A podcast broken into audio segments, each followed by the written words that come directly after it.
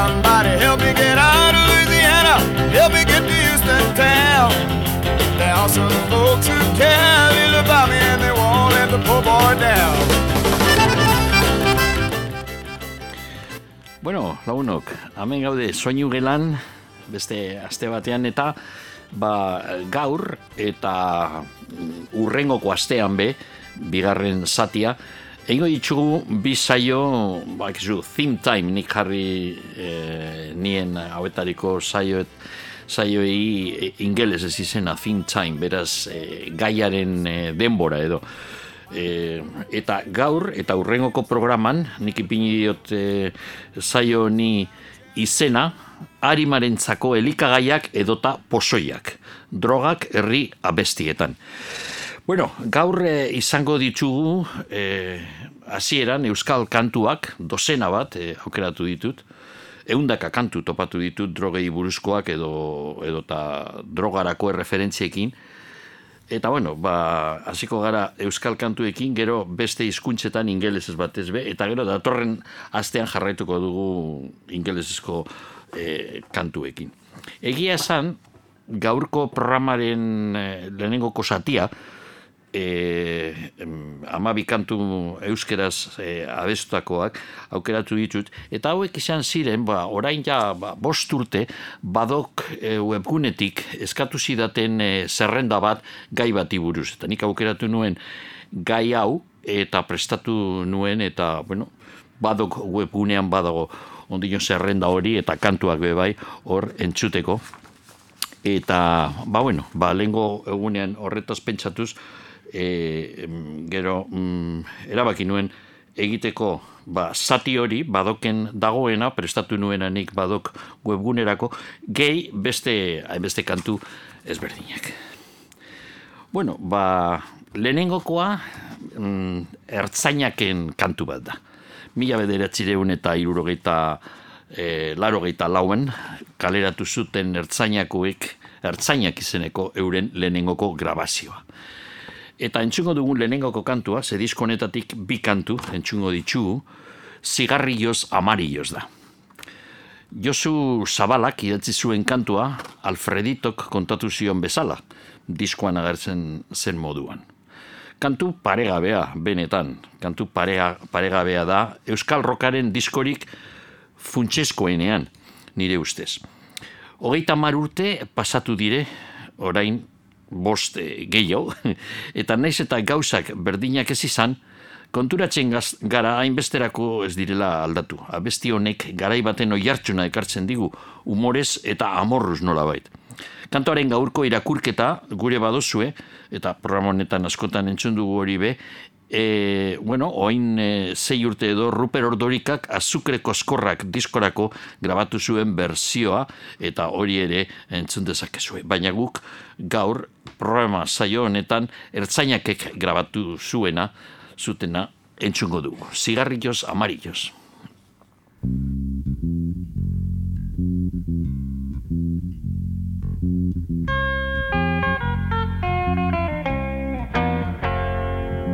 Nik enkargatua izan nahi nuen. Bandenok izatez jaiotzatik. Puta seme batzuk besterik ez gara. Pensular eskin hasi nintzen oso gazte biziotan. Gara mazontzi zigarroriak paketeko idealeskin Baina la vida zego zera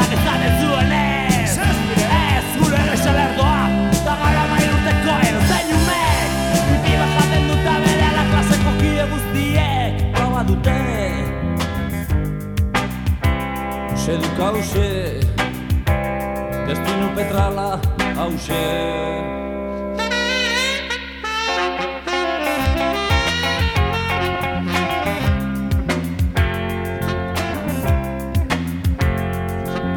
Nik izan nahi nuen Baina denok izatez jaiotzatik Puta seme batzuk besterik ez gara Lengo mozkorra Pablo Ire gura zen ez kontzan arrapa nuen Amora gehian izelarik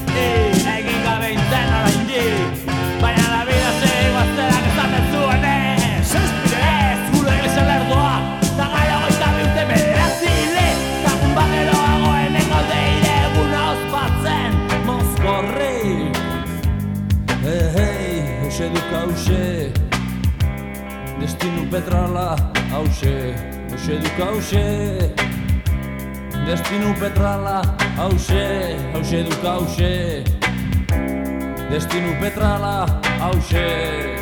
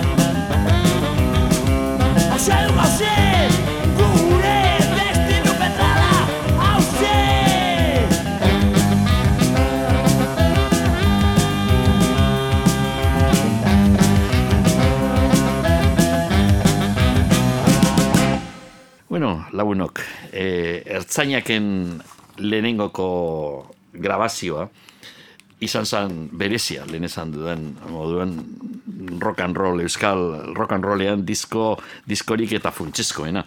Beraz, merezi du e, disko honetatik beste kantu bat entxutea.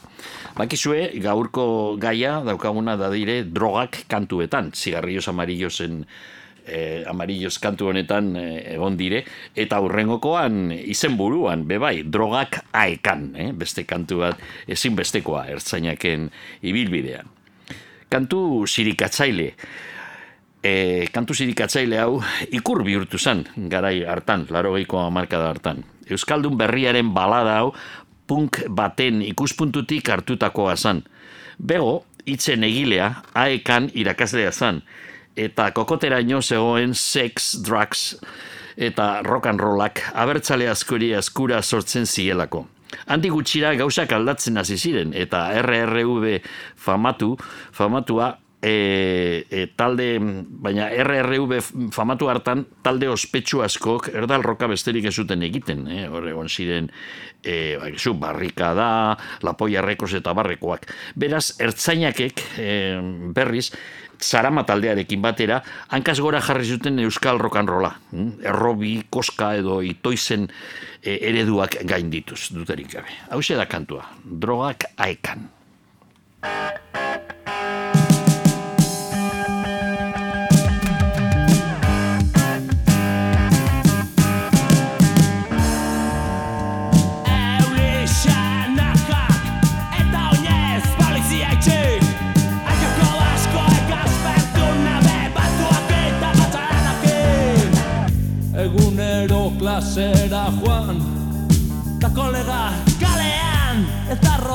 Rotza sentitzen naiz Kanutoa zeini pasa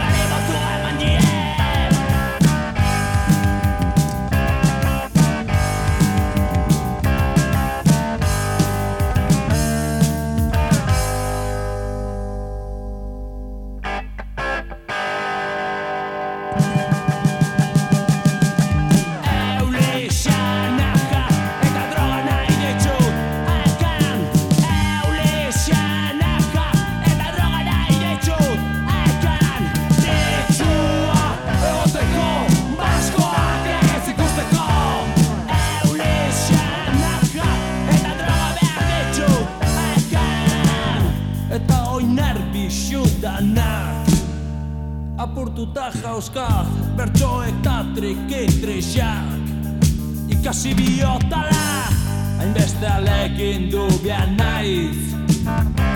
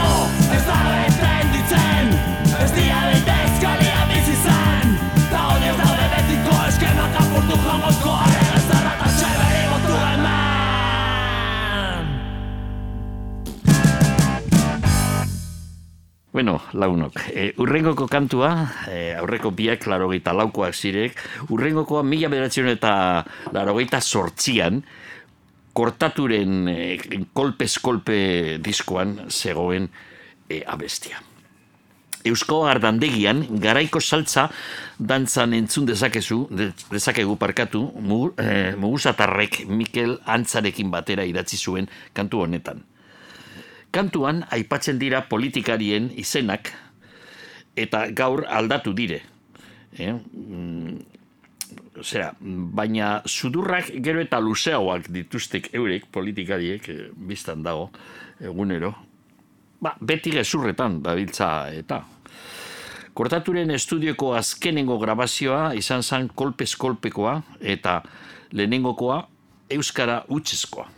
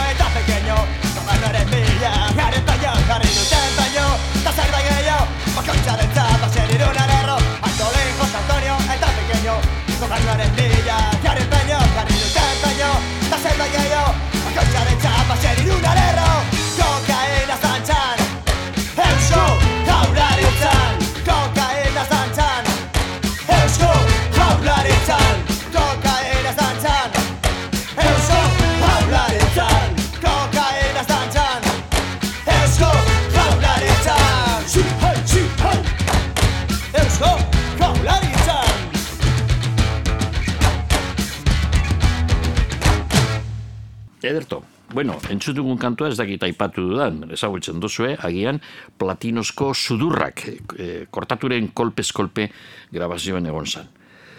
Urrengokoa jotakie taldearena da, entzungo dugun urrengoko kantua. Josemai Beltza izenekoa, mila bederatzen eta laro eta bederatzean kaleratua. Kutsu teknofunkia duen kantu honek jotakieren azkenengo grabazioari izena eman zion. Abesti oso jantzia, Jose Mairen eta, e, zera, eta nolesko amets gaiztoak kontatzeko. Behin, irakurri nuen, non baiteko, mm, e, oiko droga, batek bertan beste edonon baino kalte gitxiago sortzen du e, zuela. Egia ote da?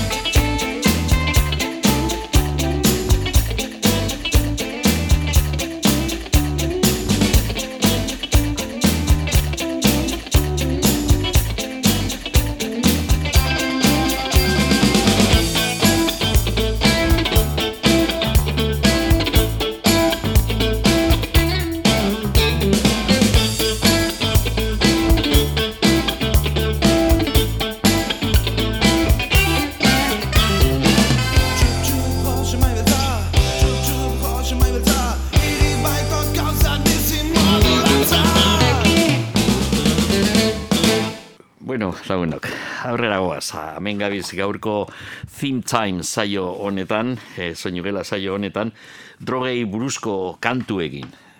Urrengokoa napar batek e, grabatu zuen, potioka. La revoluzione della tradizione, mila bederatzen eta laro amabian, kaleratu zan eta bertan zegoen izen bereko kantua. Kantu hau potxokaren lehenengoko grabazioan zegoen, esan dizuen, e, e, moduan. Balerdi balerdi taldearekin grabatu zuten Potxoka, hartzaina eta kantaria, baina rokaren semea ere bai. Arzaius bezain lodiak eta maltsurrak ez izateko potxokak eta bere lagunek bazuten formula bat, porroak erre eta aragi gutxi konsumitu.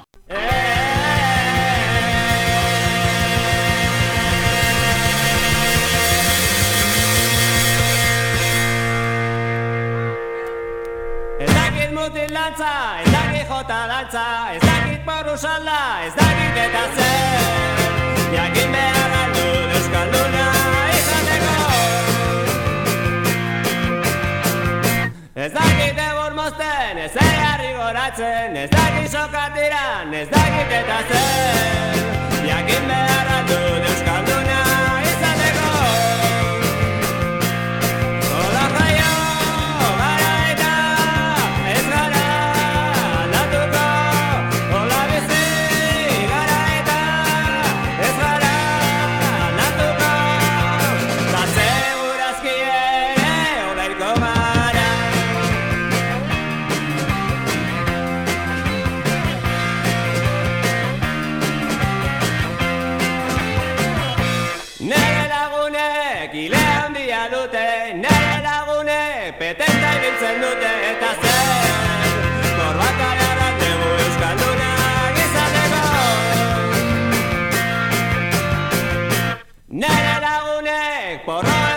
dute Nere lagunek araigutzi jaten dute zertako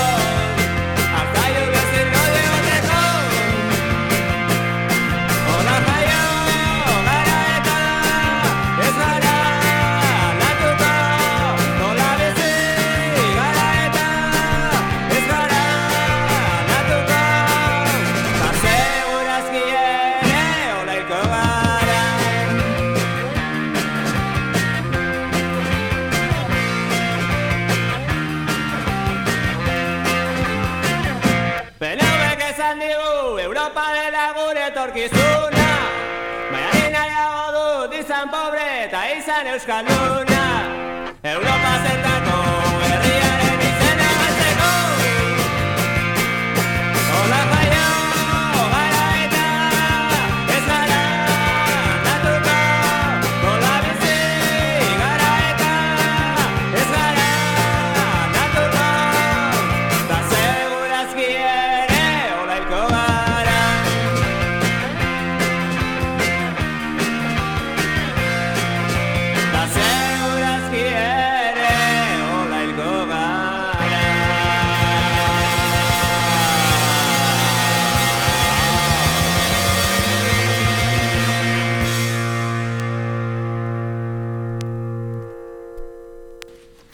Hoxe, potxoka. Bueno, urrengoko kantua anestesia taldeak e, mila bedatzen eta laro mairuan, gorrotaren ahotza diskorako grabatu zuten abestia. Droga eta violentzia.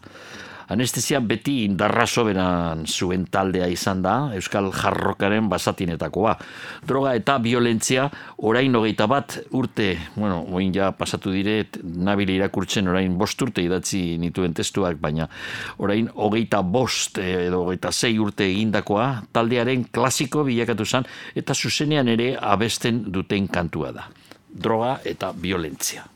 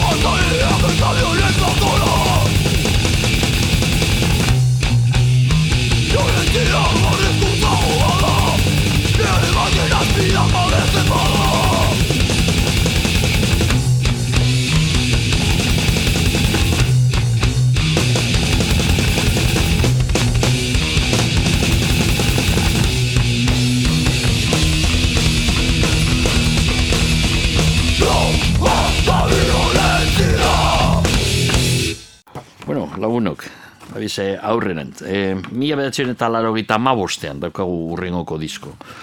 E, Ruper Ordorikak e, Soik So izeneko albuna kaleratu zuen urte hartan. Eta hor, e, bueno, disko honetan egon ziren kantu batzuk, ez guztiak, baina kantu batzuk berak e, Ruperrek New Yorken e, komposatutakoak eta hauetariko bat da lehenengokoa. Crack pipa bat. New Yorken komposatutako kantu, kantu hau, soik so diskoaren hasieran dago. Dena den, edozein iritan gerta daiteken kontua dugu historia honetan. Leio batetik, ikusitakoaren ostean, gupidazko amaiera dakarkigu abestiak. Ruper Ordorikaren bosgarren grabazio honetan, bide barriak zabaldu zituen gure singer-songwritekak. Ben Monderren gitarra soinu misteriotsua, kantuari hasiera emoten diona, emetik aurrera askotan entzungo genuen Ruperren grabazioetan. Thank you.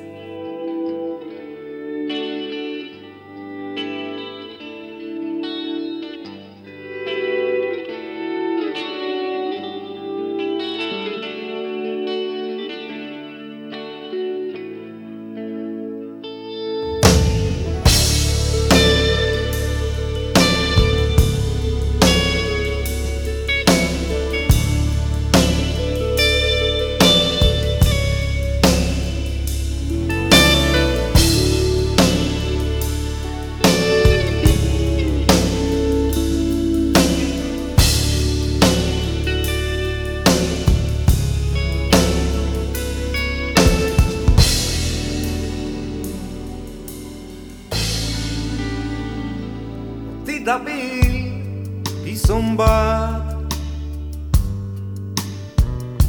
Kalian gora, kalian bera Horti dabil beste bat Pauso urduiz, biak batera Biak otzagurtu dira. Ezuak jaso, topa eskuak Inungo antzik ez dutela Arratza berekuak Irugarren bataleatu da. Eldu da sua, eldu da ura Diru tratua bete dute. Ez da berrik eta kordua Banan, banan, joan dira. Banan, banan, joan dira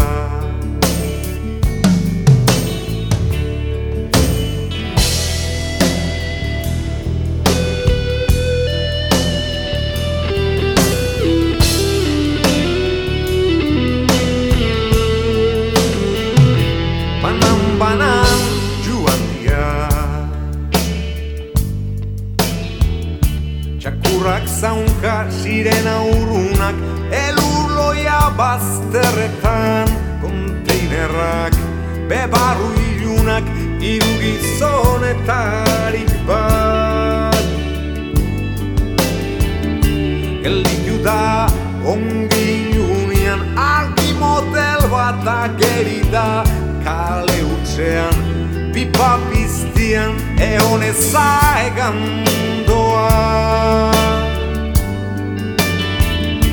Garratxeko asperetua Dekuzia lopureta Aztura erio goxua Egon ezaegan doia. Arratxeko pizti aspertua Dekuzia lopureta Aztura erio goxua Egon ezaegan doia Arrantzeko pizti aspertua Dekuzia lopureta Aztura erio goxua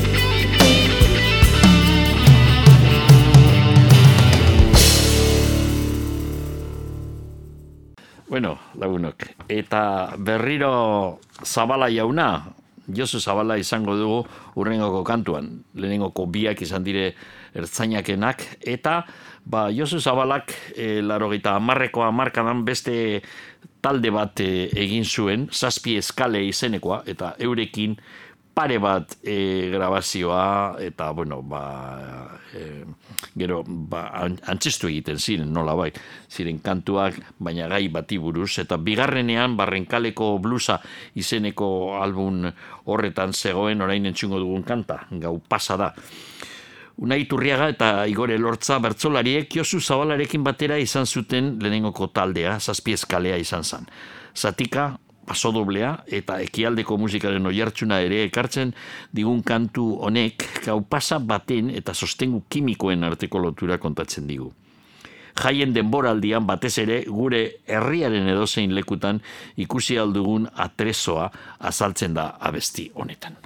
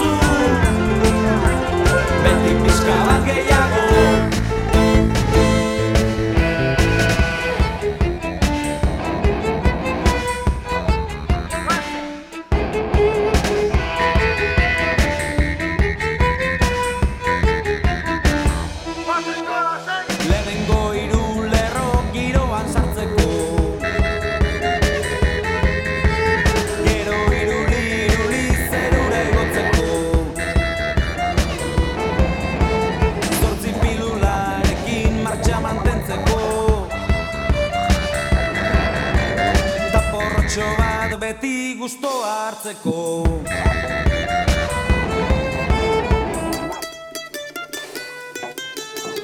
Botila dantzan da biltfokoak abesten Zein serpa onaturan neukestu zinezten Ikurriña eta guzti ere desten Ta ez dakite durra kokaina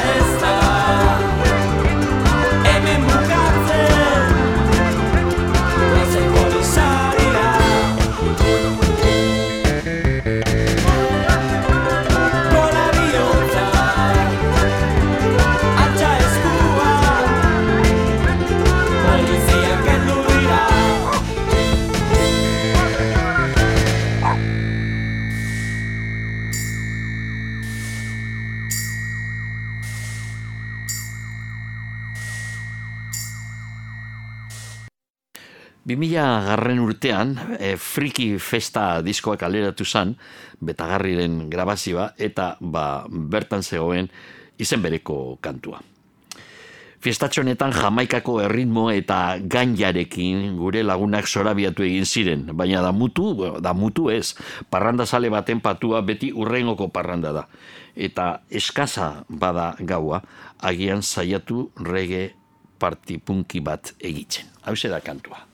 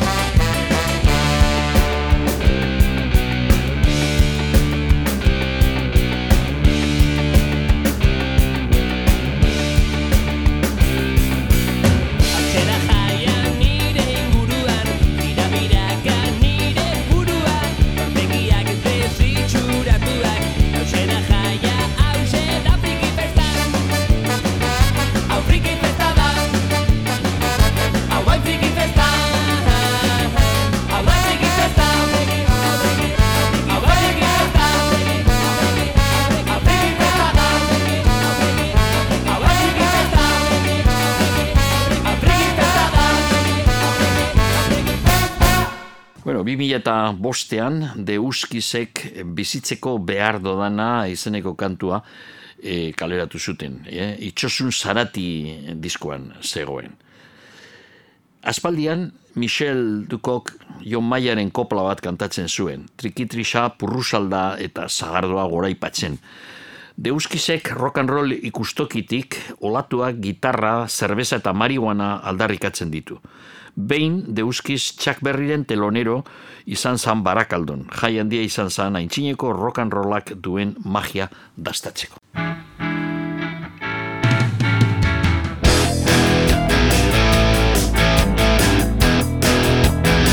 Ze ondo nago hemen baia Lanik barik hemen botata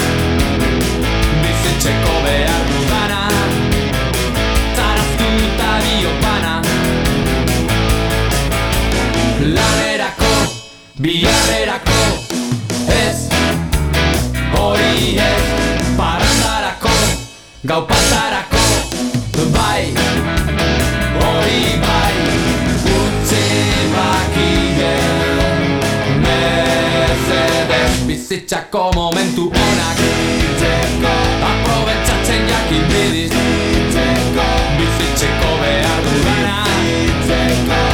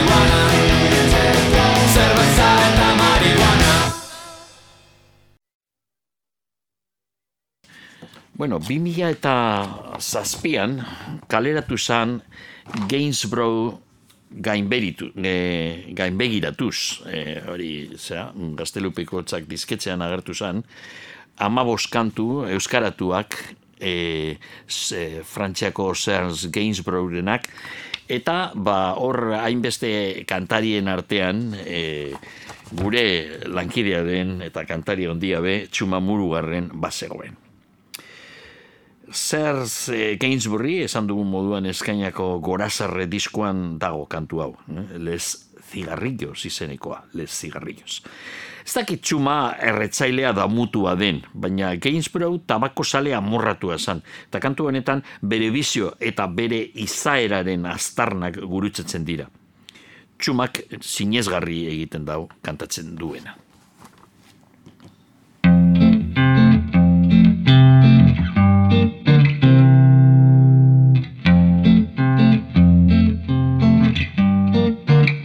Zigarroek abantaila dute bakartzen nautelako Maite dut tabakua eta begirunea Zigarroak ez daude ni bezan lotxas kutsaturik Eta euren oldar guziak Nabarduraz beteak dira Mineiten duen ezer esan gabe Samurkia gurreiten dizute. Aquel tabak, el tabak, el tabak, el tabak Aquel tabak, el tabak, el tabak, el tabak Zigarroen gatik agurrezan didate askotan tristeki. Kalitatezko emakume eta kortesanek Zigarroek nik bezain ongidakite ez dela Nere aurpegi politan espero dutena Zigarrua kontsumitu bari. Dena lambro artian galdurik. Aquel tabak, el tabak, el tabak, el tabak que el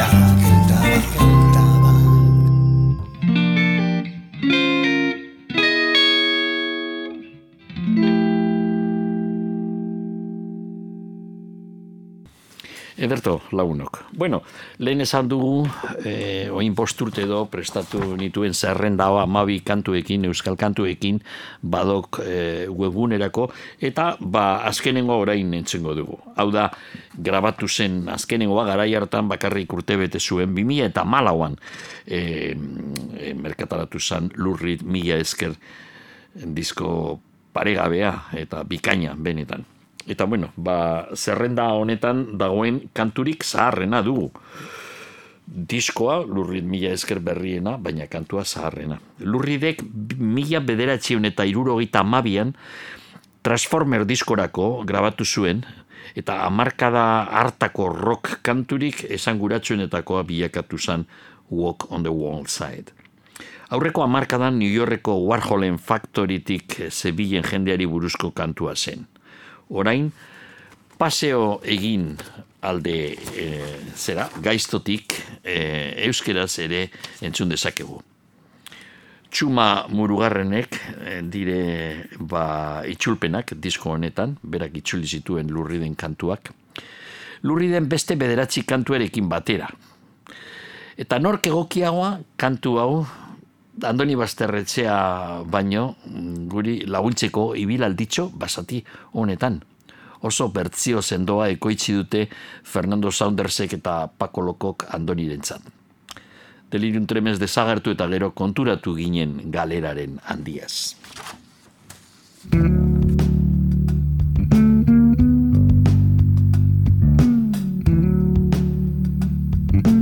Oh, yeah. Dooby dooby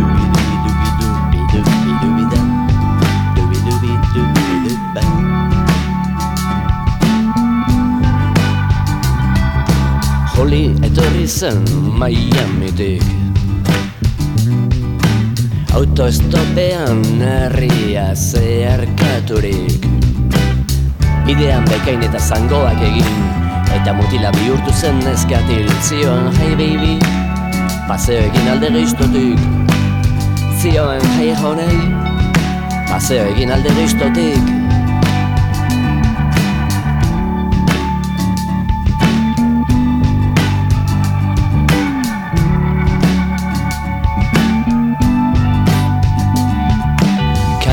Irlaz kanpotik etorria zen Atzeko gelan denon maitalea izan zen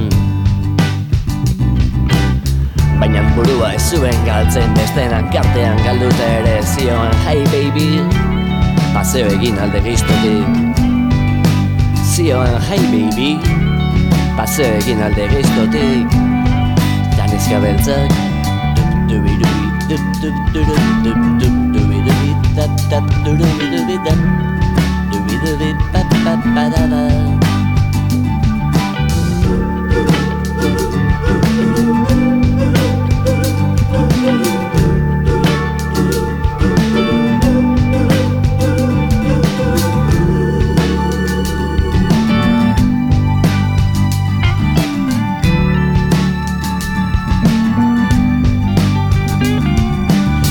txikik ez zuen ematen doainik Denek ordaindu behar zuten lehenik. Hauz bat hemen eta hauz bat hor New York iria egokia da esateko. Hey baby, paseo egin alde giztotik Zion hey joe, egin alde giztotik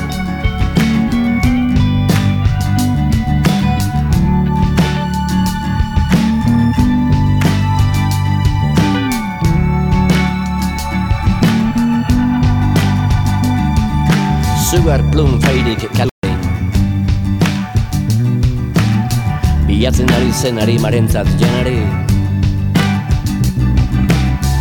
Apolora bidean ikusi bazenu nola zijoan Zioten hey sugar Paseo egin alde giztotik Nioen hey baby Paseo egin alde giztotik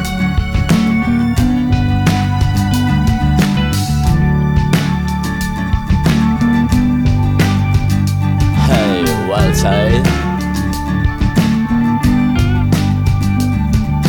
Jaki guztiz espediko dabil. Egun batek James Dean dela zinezturik Orduan fuskuatu zen itxuraz baliunak ekindiko zukeen ura. Zioen hey baby. Paseo egin alde giztotik. Nian hey honey. Paseo egin alde giztotik eskinak honezkak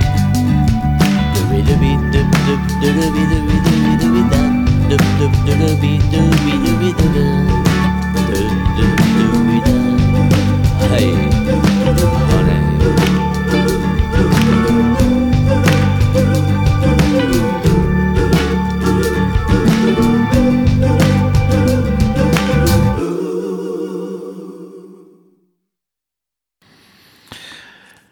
Bueno, lagunok, bukatu dugu euskal kantuekin, baina ez gaia gaiarekin, ez ondino. Eh, beste eh, amaika kantu edo entzungo ditugu drogei buruzkoak guztiek.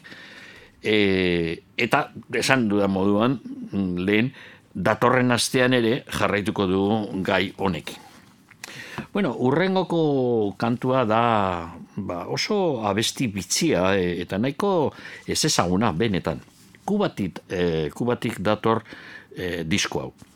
Hau grabatu, grabatu zan mm, 2000 urtean, kaleratu zan, eta Pantxo Amaten diskoa dugu. Pantxo Amat da zera, ekialdeko, kubako ekialdeko e, kantari, kantari eta tresero eta gitar jole haundia eta e, ba bueno e, entzungo dugu kantu bet aspaldikoa e, zera Matamoros e, egin zuen e, kantu hau eta egin zuen kantu ba, urtea ez dakit hemen agertzen den, bai, mila bedatzen eta hogeita amabien, egin kontu, komposatu zuen Miguel Matamorosek kantu, kantua. La kokainomana deitzen da, oso, oso kantu polita da, benetan, la, la kokainomana. Eta amen, e, kantaria, mm, e, Pancho Amatek badu laguntzaile lujoskoa, Silvio Rodríguez Bera, egiten dau Miguel Matamorosen La kokainomana izeneko kantua. Hau da.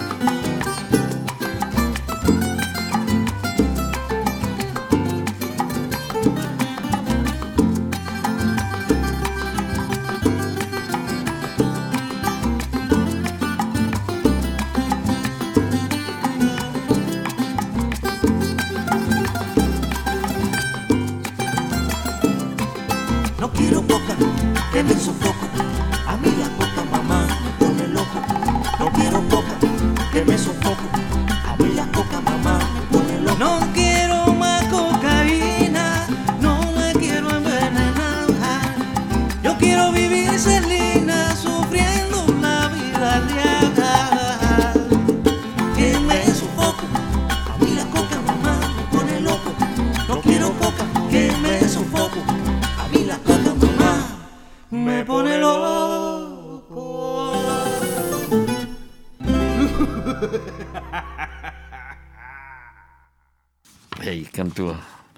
Bitzie, benetan. Miguel Matamorosek aspaldi aspaldian e, egindakoa, eta Pancho Amat eta Silvio Rodríguezek 2000, 2000 garren urtean grabatu zutera.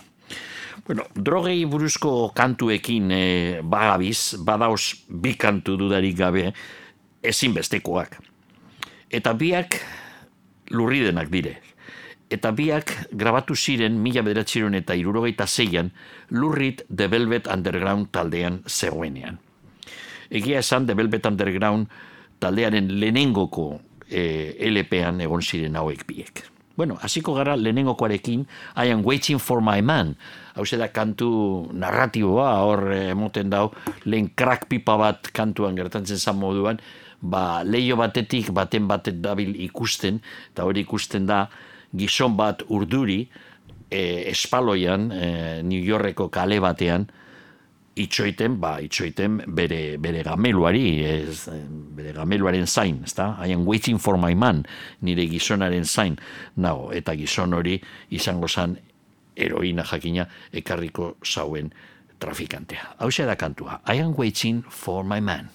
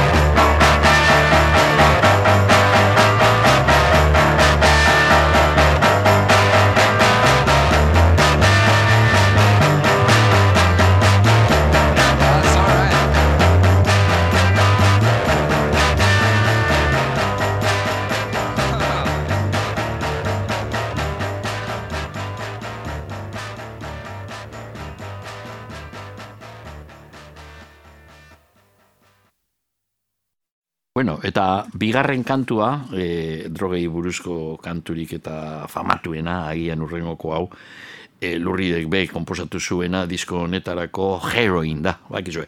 Hau gero lurridek e, grabatu egin zuen rock and roll animal diskoreko, nik uste dut izin zala, eta ba, hemen e, o Euskal Herrian ezin erosi kantu hori, ze ba, argitaratu zuten diskoa, baina kantu hau zentsuratu, zentsuratu zuten.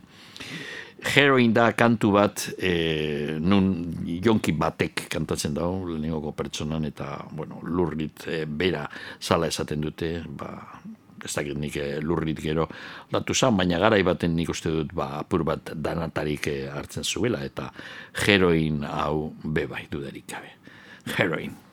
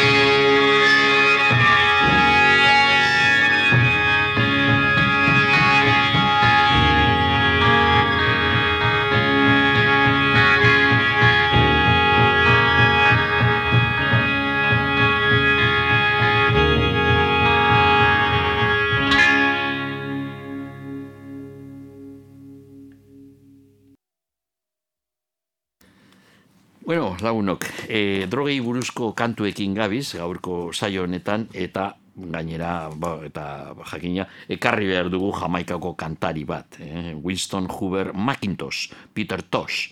Peter Tosh, e, jaio zan mila betzen eta berrogeita lauan, eta e, hil zuten e, Jamaikan, mila betzen eta larogeita zazpian, bere etxean e, hil zuten tiroka. Peter Tosek e, izin zan marihuanari buruzko kantuak egin zituen pare bat gutxienez, orain entzungo ditugunak, eta ez pentsau, bueno, bakizu, marihuana jamaika da ia e, zera, ba, droga nazionala, baina zeo gehiago, eh? Ja- Jamaikan ni pare bat aldiz egon naiz eta hor e, usaintzen dago, marihuanaren usaina airean dago leku guztietan. E, baina eta ikonografian, beti diskoan eta argazkietan agertzen dire askotan reggae musikariak, e, arretzen, kristonpetak eta eta pipak eta danatarik, baina gero kantuak, ba, marihuanari buruz espentsa, garai hartan ez ziren hainbeste. Eta lenguetarikoa ezin zan Peter Tosh, eta Peter Tosek egin zuen, e, ia urteak topatzen dudan, bai, mila behatzen eta irurogeita amaseian, orain entzungo dugun kantua legalize it, legalizatu zaitezte. E, hause da kantu bat nun e, zera, ba, mm, bedar santu honi buruz e, kantatzen dauena. Jamaikako erligio bat da marihuana. Hause da, Peter Tosen legalize it.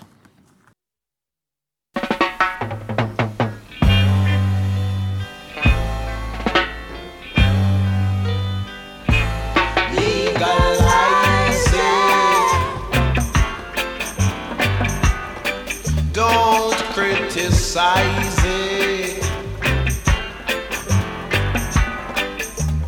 Legalize it, yeah, yeah, and I will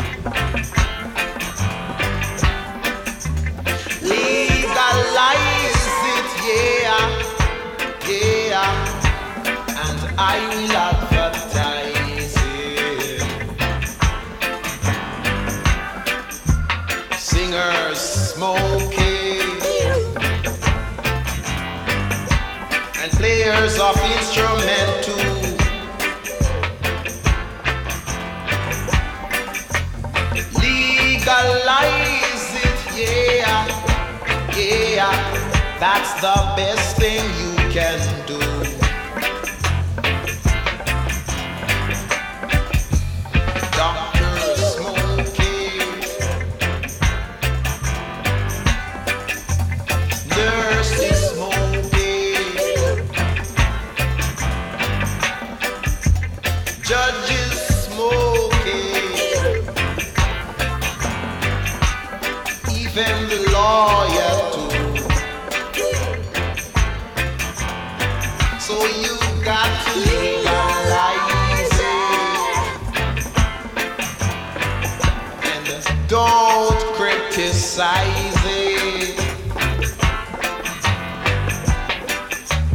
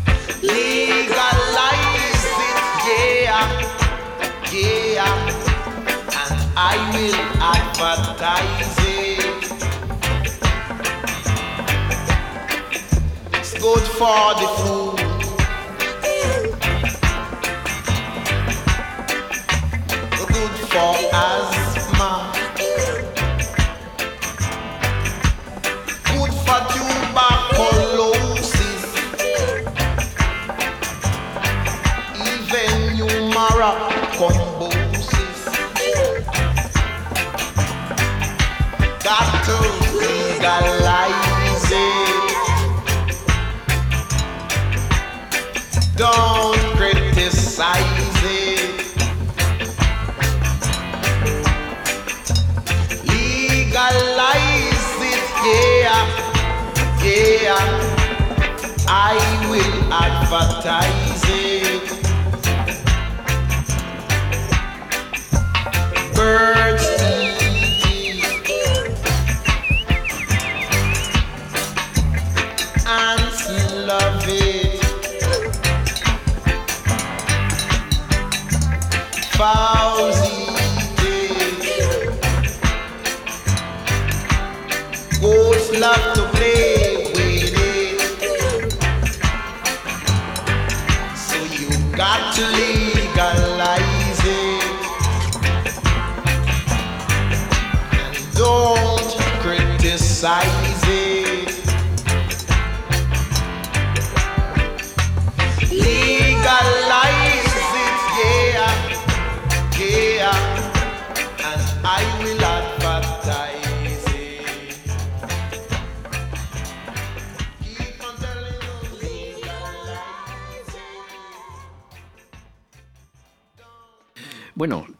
lehenengoko kantua Legalize It, eta bigarrena, e, bi urte beranduago, mila bedatzen eta iruro eta amazortzian, e, egin zuen Peter Tosek, eta Bush, Bush eh, Doctor deitzen da.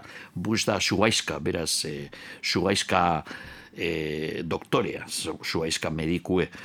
Badago, mm, zera, kon- kontatzen da, bueno, edo berak eh, Peter Tose kontatu zuen, ze behin, askotan ibiltzen zan poliziarekiko arazoetan, poliziarekin arazoetan, eta behin eh, polizia bere, bere etxera joan ziren, sartu, sartu ziren, bere etxian, eta hor zegoen spliff edo peta bat eh, erretzen eseri eta lasai, lasai Peter Tosh, eta berak ez zuen amatatu bere porroa. Eta galdetu zioten ia ganja ganja da mm, Jamaikan marihuana esateko erabiltzen den hitza eta gauzak zer diren?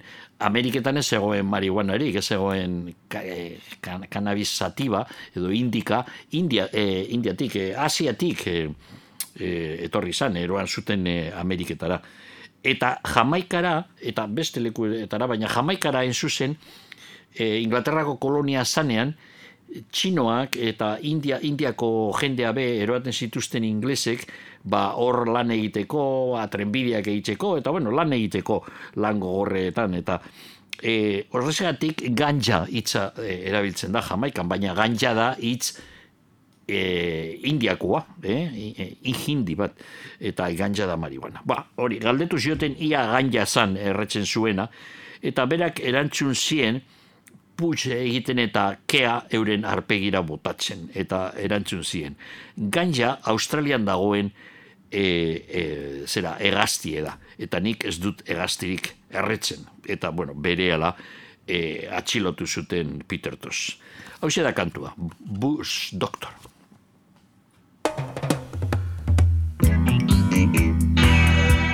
Warning. The Surgeon General warns. Cigarette smoking is dangerous. Dangerous. Hazard to your health. Does that mean anything to you? Them legalize marijuana.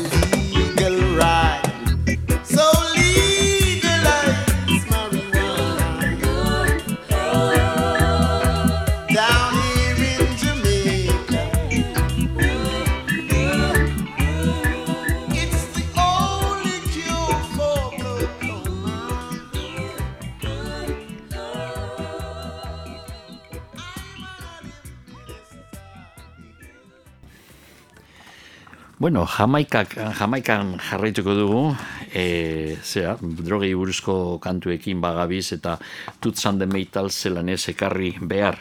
Badago kantu bat, askotan entzun duguna, gure soinu gelan, 5446 was my number izenekoa. Tuts and the Metalsek grabatu zuten kantu hori, ze Tuts Hiber behin jamaikan atxilotu zuten e, motorrean zebilen, eta antza, ba, poliziak e, geldierazi eta topatu zuten marihuana, zeroana, eta ba, kartzelatu zuten, egon zan denboraren bat kartzelan, e, tutz jibertek beti esan dau esala egia, ezuela ba, marihuanarik e, behin gainean, baina kontua da e, 54-46 e, berrogeita amalau, berrogeita zei izin zan, kantu honetan esaten da moduan, be, be, presondegian zegoen bere, e, bere zenbakia. Beraz, 54-46 was my number. Sing it up, mister.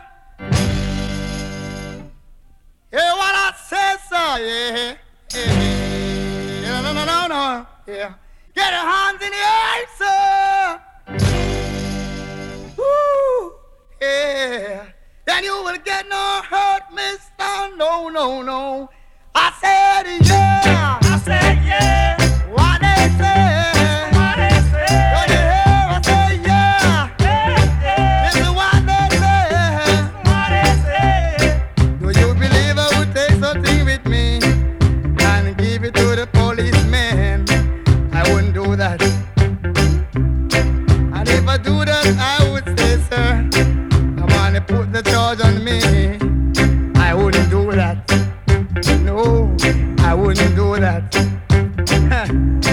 I'm not a fool to hurt myself, so I was innocent of what they done to me.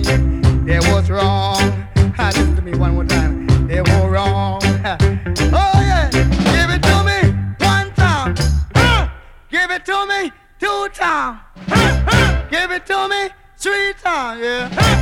Give it to me four times.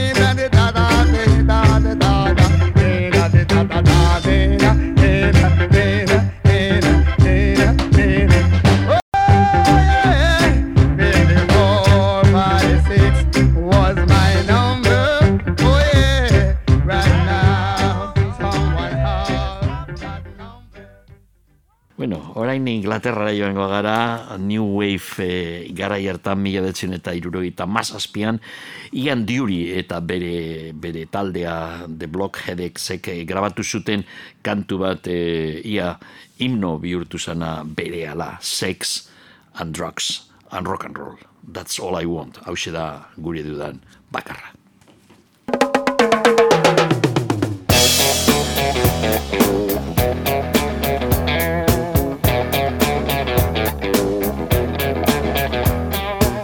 Sex and drugs and rock and roll is all my brain and body need. Sex and drugs and rock and roll. It's very good indeed. Keep your silly ways or throw them out the window. The wisdom of your ways. I've been there and I know lots of other ways a jolly bad show. If all you ever do is business you don't like. Sex and drugs and rock and roll.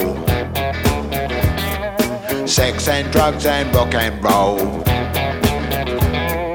Sex and drugs and rock and roll is very good indeed.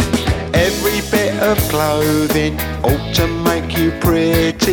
You can cut the clothing, grey is such a pity. I should wear the clothing of Mr. Walter Mitty. See my tailor, he's called Simon. I know it's going to fit. Here's a little bit of advice, you're quite welcome, it is free. Don't do nothing that is cut price, you know what that'll make you be. They will try their tricky device, trap you with the ordinary. Get your teeth into a small slice, the cake of liberty.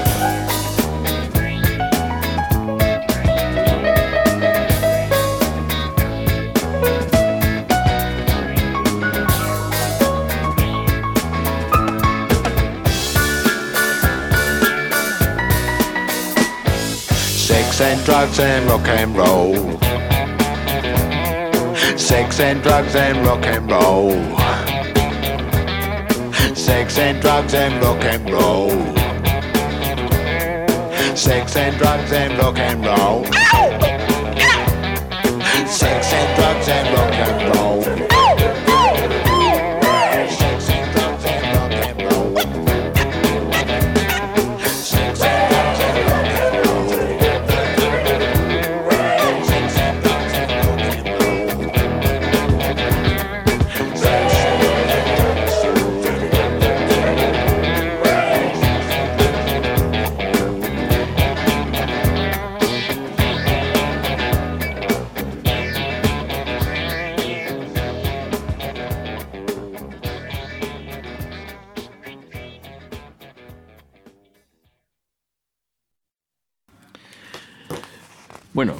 Jimi Hendrix eh, gitar jole handia izin zan, eta kantu, kantu egilea, be bai, berak eh, komposaz zituen eh, kantu gehienak eh, bere disko betan.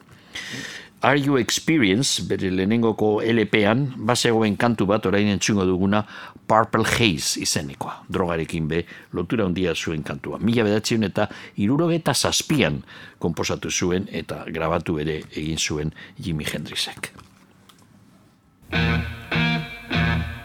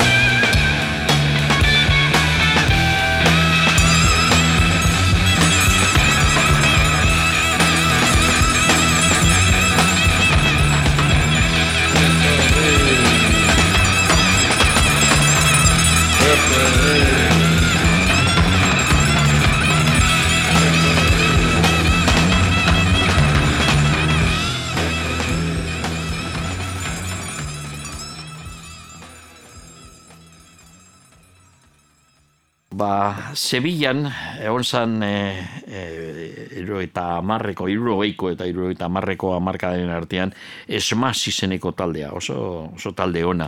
Egiten zuten e, rock eta flamenko lotu, hasi zirenean esmaz ziren talde psikodelikoa gehien bat, eta gero flamenkoarekin egin zuten zera bat, eta bueno, ba, gero mila detxen eta irurogeita maikan, arrakasta handia izan zuten, single batean gogoratzen naiz ni, egon ziren bikantu, elgarrotin, e, A aldean, eta B aldean orain entzungo duguna, tangos de ketama, bakizu, bakizu, ketama da zonalde bat e, Marrokozen iparraldean, e, e, zera, rif e, inguruan, nun esaten zuten e, marihuana edo, bueno, ba, jatxiza hor prozesatua eta onenetakoa etortzen zala ketamatik eta segurezki horrekin deko lotura, ez mazen kantu hau, tangos de ketama.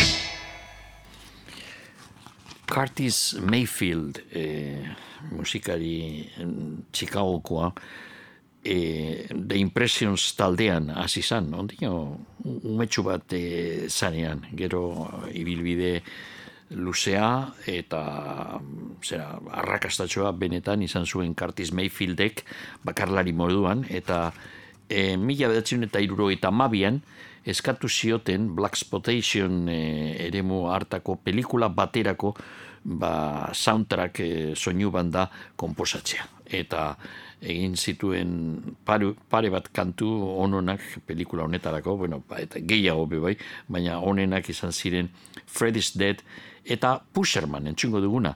Gainera, Curtis Mayfield pelikula hartan agertzen, agertzen zan e, zeran, ba, areto batean hor jotzen kantua bere bere bandarekin. Pusherman da kantua handi bat eta Pusherman da azken finean e, zera droga saltzaile bat, ezta? Hau da e, kantua horretaz doa. Pusherman.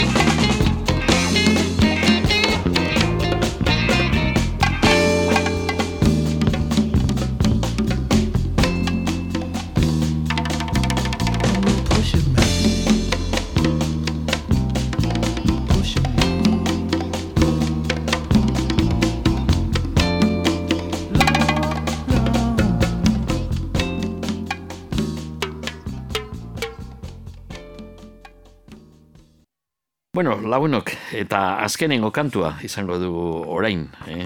Amy Winehouse eh, 2006an grabatu zuen orain entzungo dugun kantua.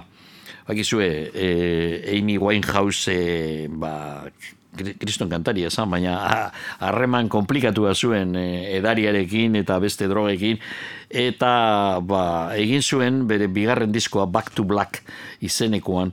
Kantu bat, eh, agian berak eh, inoiz eh, grabatu zuen eta arrakastatxuena Rehab eh, izenekoa, Rehabilitation, beraz, eh, bakizue, ba, drogarekin arazorik arazo ondirik eh, badozu, batxutan beharrezkoa da joateko olako ospital edo leku berezi baterako, ba, lortzeko, ba, gainditzeko arazo hori, adikzio hori. Eta berak kantu honetan esaten esaten zuen eroan e, saiatu ziren e, ero baten bera rehabilitationerako, e, baina berak esaten zuen ni ez naiz joango, ez naiz joango, no, no, no. Hau da kantua. They tried to make me go to rehab. I said no, no, no. Yes, I've been